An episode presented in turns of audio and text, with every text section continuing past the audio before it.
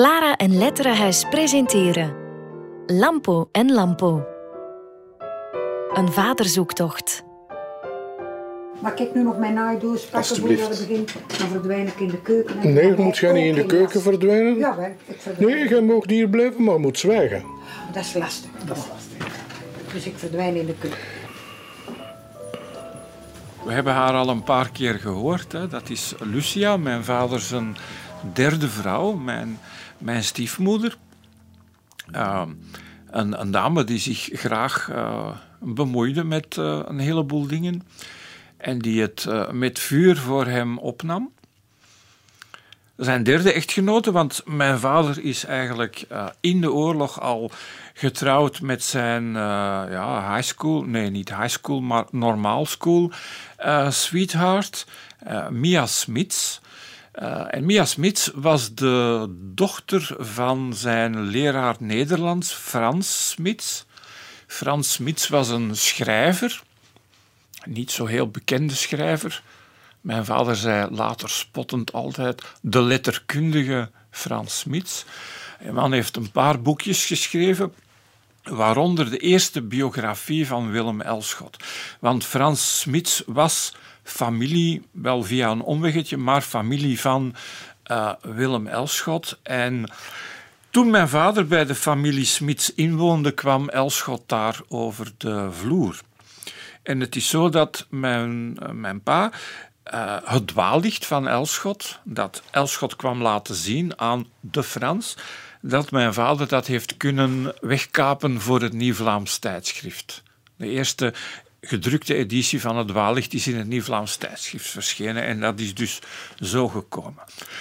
Nu, um, Frans Mits was, uh, had een, dus die ene dochter, Mia, maar dat, dat huwelijk is, is eigenlijk heel gauw op de klippen gelopen, in die zin dat uh, vader Smits op een bepaald ogenblik mijn pa de toegang tot het huis heeft ontzegd. Jij komt hier niet meer in. Ik heb over dat huwelijk eigenlijk zelf weinig gehoord van mijn vader. Hij sprak daar nauwelijks over. Hij heeft er wel uh, over geschreven in, in twee romans. In De Ruiter op de Wolken, al, al in 1947 geloof ik. En dan veel later, in, in de jaren 1970, in Een geur van sandelhout. En hij is dan uh, kort daarop uh, mijn moeder uh, tegen het lijf gelopen. Enfin, ik denk dat ze elkaar al kenden, want ze, ze behoorden allebei tot de jeugdkring van het Willemsfonds, wat een, een vereniging voor jonge mensen was in Antwerpen. Van niet-collaborationistische signatuur. En um, dat huwelijk, ze hebben samen twee kinderen gekregen. Mijn zus in, uh, in 1951, denk ik, en ik uh, in 57. dat huwelijk zat ook niet goed. Om een heleboel redenen, waar ik ook al heel vaak heb over nagedacht.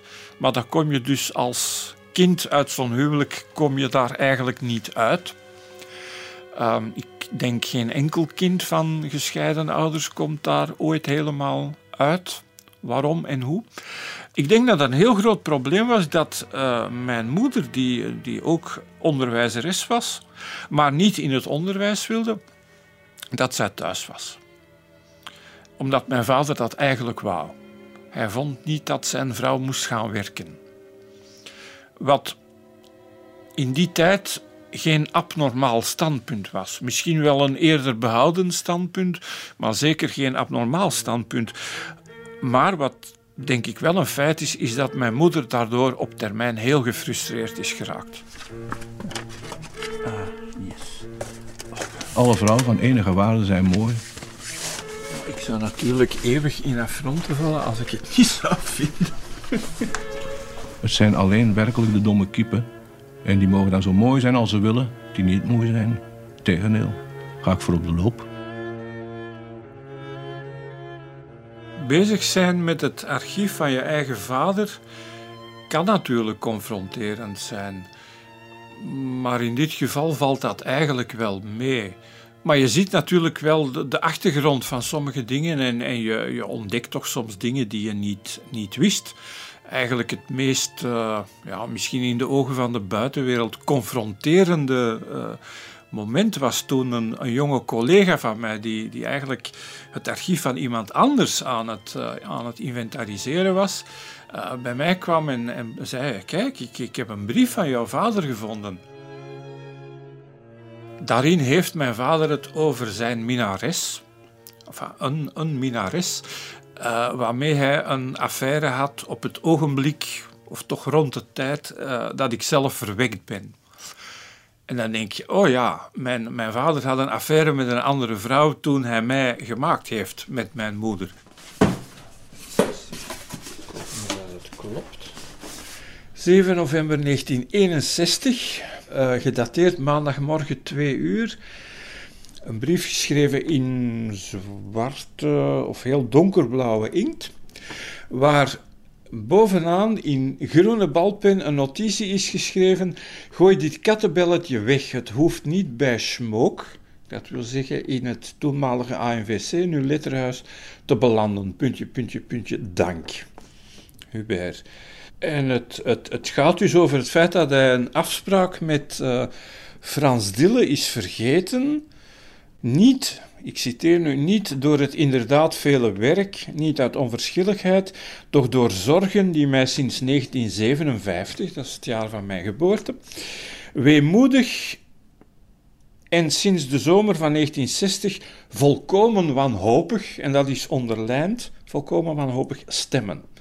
En dan gaat hij voort in het Frans. Het is heel bizar.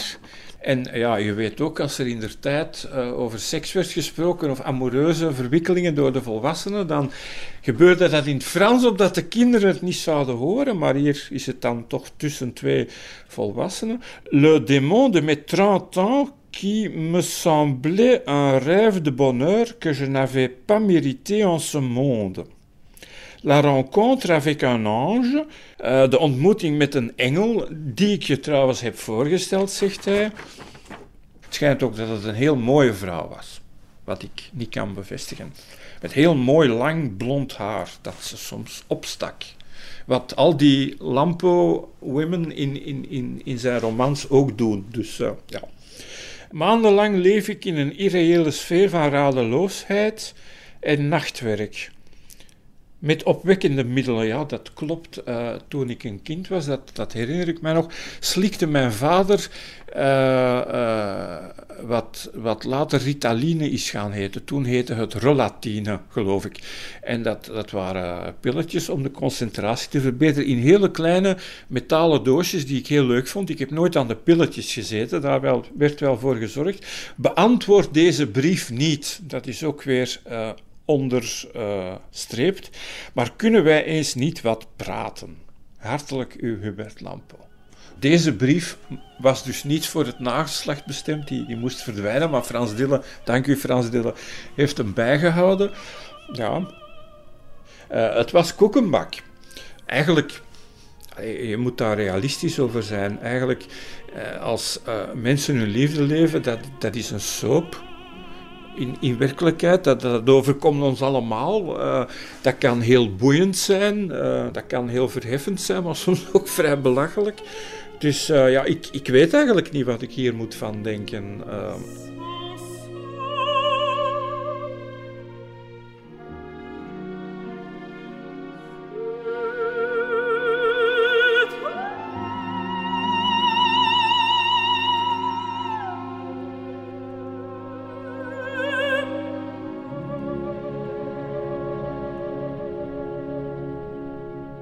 Omstreeks 1943-44 schreef ik Helene de Fraaie, mijn eerste werk van lange adem. Ook nog vandaag vervult de titel Heldin mij met ontroerde tederheid. Voor de goed twintigjarige beginneling die ik was, belichaamde zij het vrouwelijk ideaal, lief, schrander en ook wel moederlijk teder.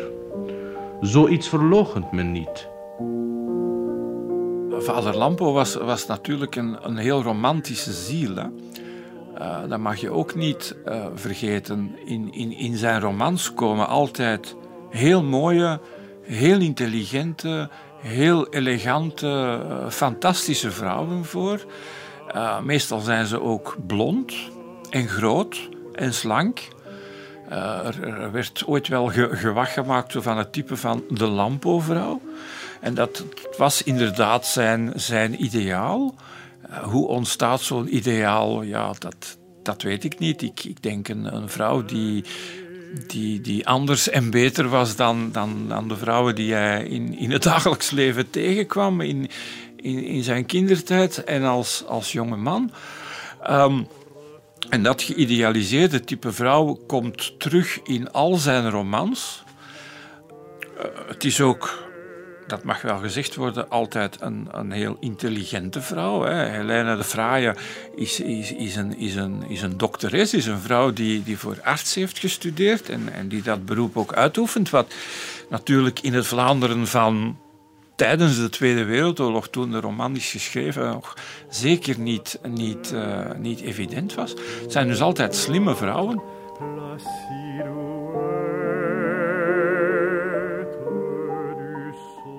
Lang voor de tijd van, uh, van uh, de komst van Joachim Stiller kwamen mensen en vooral dames. Ik steek helemaal geen pluim op mijn hoed hoor, in tegendeel.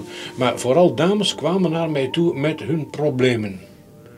Uh, althans, ik was zo naïef van altijd te denken dat het alleen om hun problemen ging. Misschien had ik beter mijn ogen moeten opentrekken. Dan waren mijn jeugdjaren mogelijk wat vrolijker geweest. Maar ik heb het altijd gezien als problemen.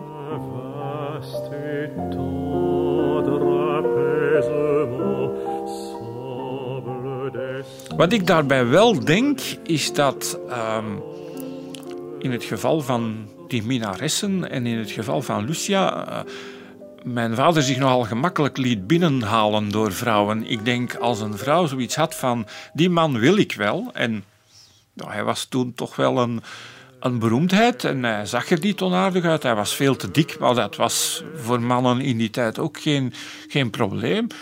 Uh, en ze, ze, ze toonde belangstelling dat hij daar dan eigenlijk wel heel gauw intuimelde, omdat hij, hij had heel weinig zelfvertrouwen. En ik, ik denk dat hij die, die aandacht van een vrouw, uh, als, die, als die heel duidelijk was, dat hij dat fantastisch vond en daar eigenlijk geen weerstand tegen had.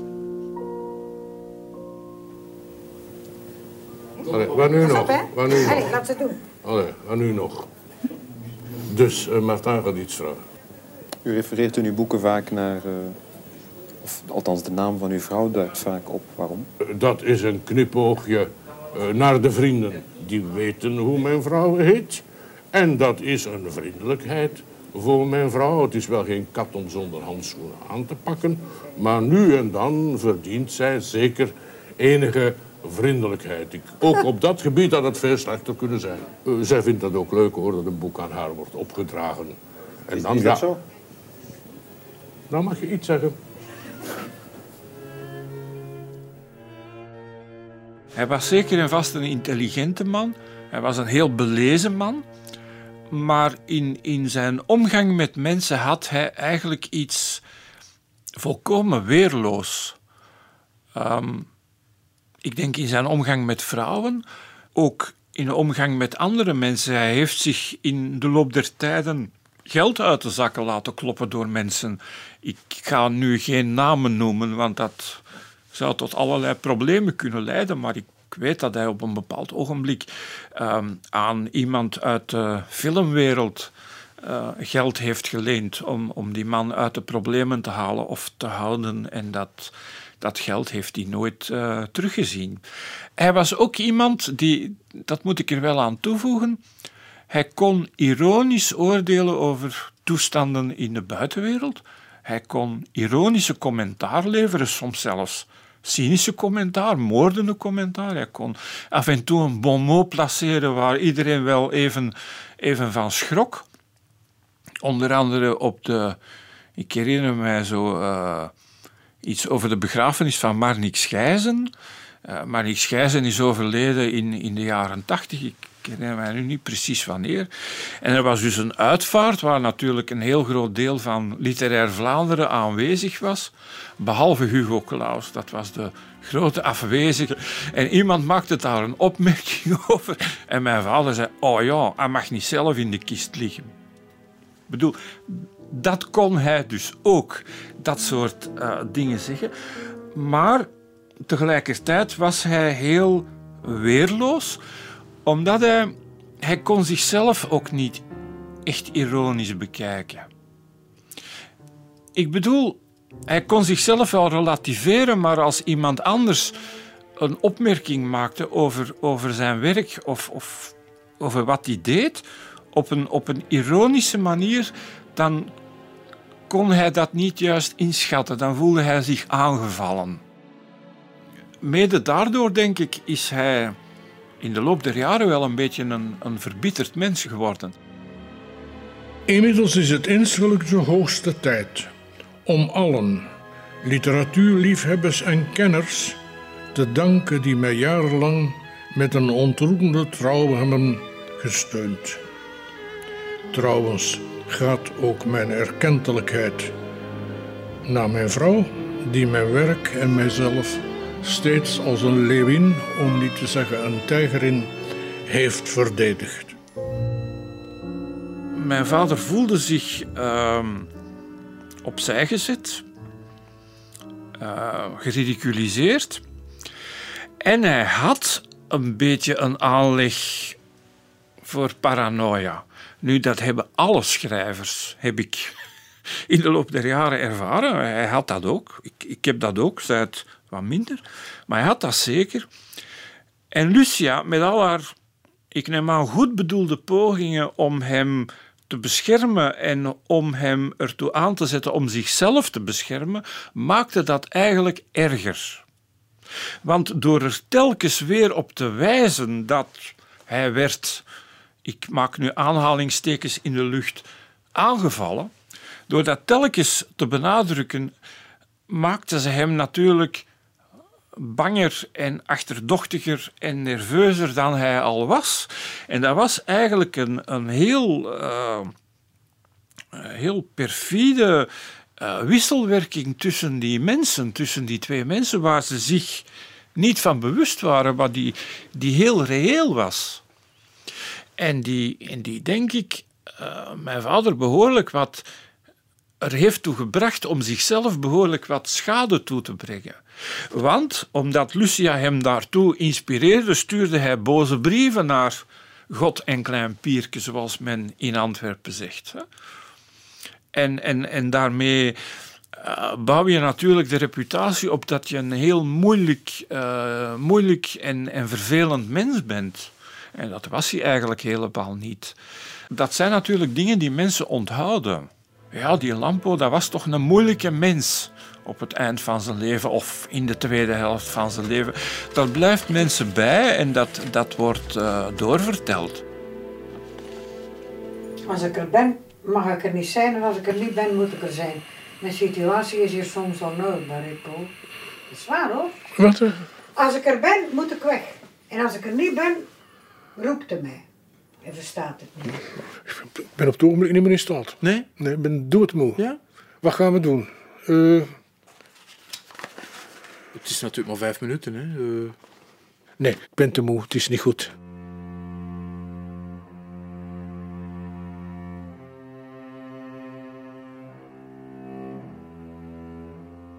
Toen Lucia nog leefde, uh, heeft hij Alzheimer's gekregen. Nu, in het begin van die ziekte natuurlijk is dat niet zo heel duidelijk merkbaar. En als wij op bezoek kwamen, mijn vriendin en ik en, en mijn zus, dan konden ze dat eigenlijk nog heel goed wegstoppen. Want ze wisten dat we zouden komen en dan zaten ze aan tafel en dan ontvingen ze ons en dan werd er gebabbeld en gepraat. Mijn vader was al een beetje doof. Dat is een, een beetje een, een uh, familiekwaal. Dus hij had een, een, een hoorapparaat in. En ja, als er al eens communicatieprobleempjes optraden, dan was iedereen geneigd om dat aan dat hoorapparaat te wijten. En meestal zal dat ook wel zo geweest zijn. Uh, maar toen uh, Lucia dan eigenlijk heel onverwachts, want Lucia was was heel vitaal en, en heel actief tot het einde. Uh, zij is heel onverwachts gestorven aan een, aan een hartstilstand. Het was dus een heel plots gebeuren en dat, dat heeft mijn vader totaal uit zijn, dachten wij, uit zijn normale doen gebracht en, en, en hem natuurlijk heel verdrietig gemaakt. Maar na verloop van vrij korte tijd uh, werden dan toch de symptomen van die Alzheimer heel duidelijk, omdat hij dan echt heel snel achteruit is... Uh, is gegaan. En dan, eh, dan hebben we nog een poosje uh, rond de klok uh, verzorging in Grobbendonk georganiseerd met, met dames van de gezinsbond die kwamen oppassen en verpleegkundigen die, die daar kwamen overnachten. al dat soort dingen. Ehm, dat is slopend. En, en alle mensen die in dat geval verkeren, hebben mijn, mijn medeleven. Uh, en wij hebben toen noodgedwongen uh, zijn we ertoe overgegaan om een plekje voor hem te zoeken in een verzorgingsinstelling. En hij heeft dan het geluk gehad dat hij vrijwel onmiddellijk uh, in het rusthuis De Bijster in Essen terecht kon. dat zich toelegt op mensen met dementie, of dementie, zoals de Hollanders zeggen, tot mijn grote verbazing. Enfin goed, hij is daar opgevangen en ja, dat is, uh, dat is heel moeilijk om je ouder daar dan achter te laten. Ook omdat zo'n zo'n leefgroep, als je daar dan komt, dat is wel een beetje dantesk. Want alle mensen die daar zitten, zijn buiten zichzelf, voorbij zichzelf, uh, zitten mummelend in een hoekje, uh, trekken hun kleren voortdurend aan en uit of, of lopen obsessioneel rond. En je kunt eigenlijk ook niet meer praten. Uh, mijn vaders spraakvermogen is enorm snel achteruit gegaan. En als je dat dan constateert bij een man die, die zeer wel bespraakt was, die, die zijn leven lang heeft gesproken en geschreven. In lange volzinnen, want hij sprak ook in lange volzinnen. Eh, als je dat dan, eh, dat, dat taalvermogen ziet, ziet verkruimelen en, en, en ziet reduceren tot, tot niets, tot, tot minder dan niets, dat is wel echt verschrikkelijk. Er zijn momenten dat ik bij mezelf denk, de dag waarop ik doodga, zal ik mijn vrouw en mijn kinderen missen. En ik zal mijn boeken missen. En ik zal mijn poezen missen. In feite zal ik niks missen, want ik zal niks weten. Maar ik zal niet boos zijn van deze wereld te verlaten. En daar is mijn vader dus uh, op een bepaald ogenblik uh, ook fysiek ziek geworden. Uh, uh, mensen met Alzheimer en, en, met andere vormen van dementie krijgen slikproblemen op de duur. en dan krijgen ze longontsteking en dan kun je natuurlijk medische heldhaftigheid betrachten en ze nog een laatste keer naar het ziekenhuis laten brengen en met, met antibiotica bombarderen. Maar dat hebben wij dan in, in overleg met mensen van het huis en met de behandelende arts niet gedaan. En hij is dan vredig ingeslapen.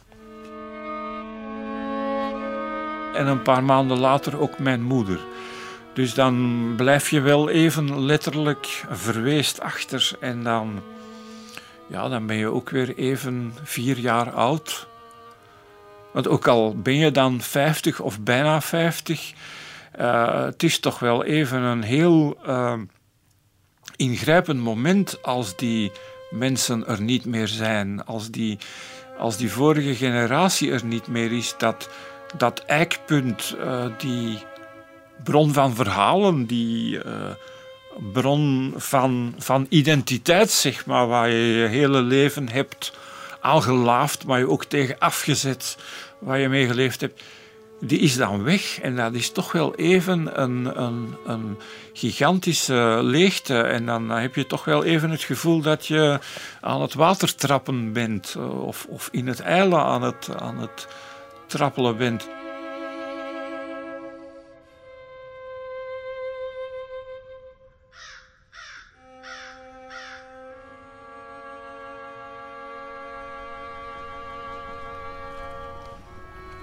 Ja, je ziet hier vlakbij het graf van mijn vader op het ereperk van de stedelijke begraafplaats Schoonselhof. Uh, wat een heel moeilijke plek is om te bereiken, omdat deze begraafplaats zo groot is. Uh, ik, ik, ben hier altijd totaal gedesoriënteerd. Voilà, hier zijn we. Um, hij is aan wat nieuwe plantjes toe, maar daar zijn al de nodige uh, maatregelen toegenomen.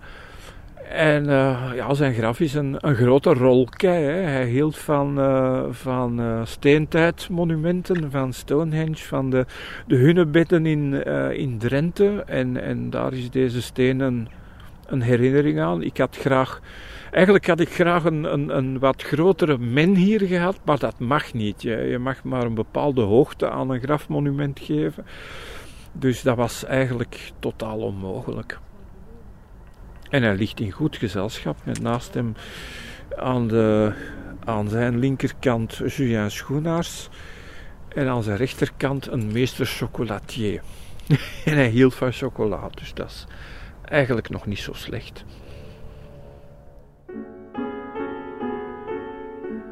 Ik herinner mij nog dat we in het rusthuis werden ontvangen waar mijn vader enkele uren tevoren was gestorven. En wij zaten, mijn zus, mijn vriendin en ik, nog te overleggen van... Ja, wat moeten we nu doen? Moeten wij nu de pers inlichten? Of gaan we dit heel rustig laten gebeuren en, en niets ondernemen en het zo... Ik had, ik had zo'n beetje de attitude van we gaan, uh, we gaan geen drukte maken om, om, ook om, niet, om onszelf niet belachelijk te maken. Um, en terwijl wij daarover zaten te praten, kwam er op het radionieuws van één uur. Dus iemand uit het huis had blijkbaar iemand anders opgebeld.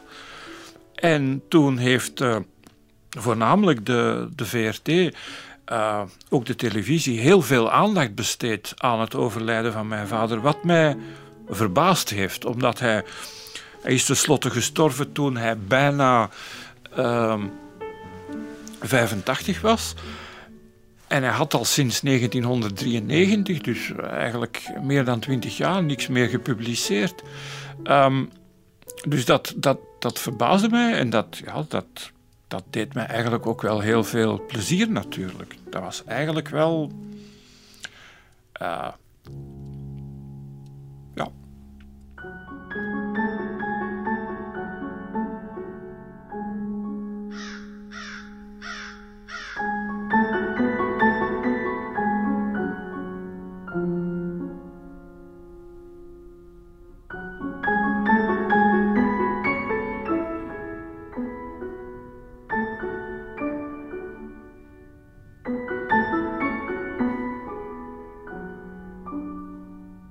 Dit is een podcast van Clara in samenwerking met Letterenhuis.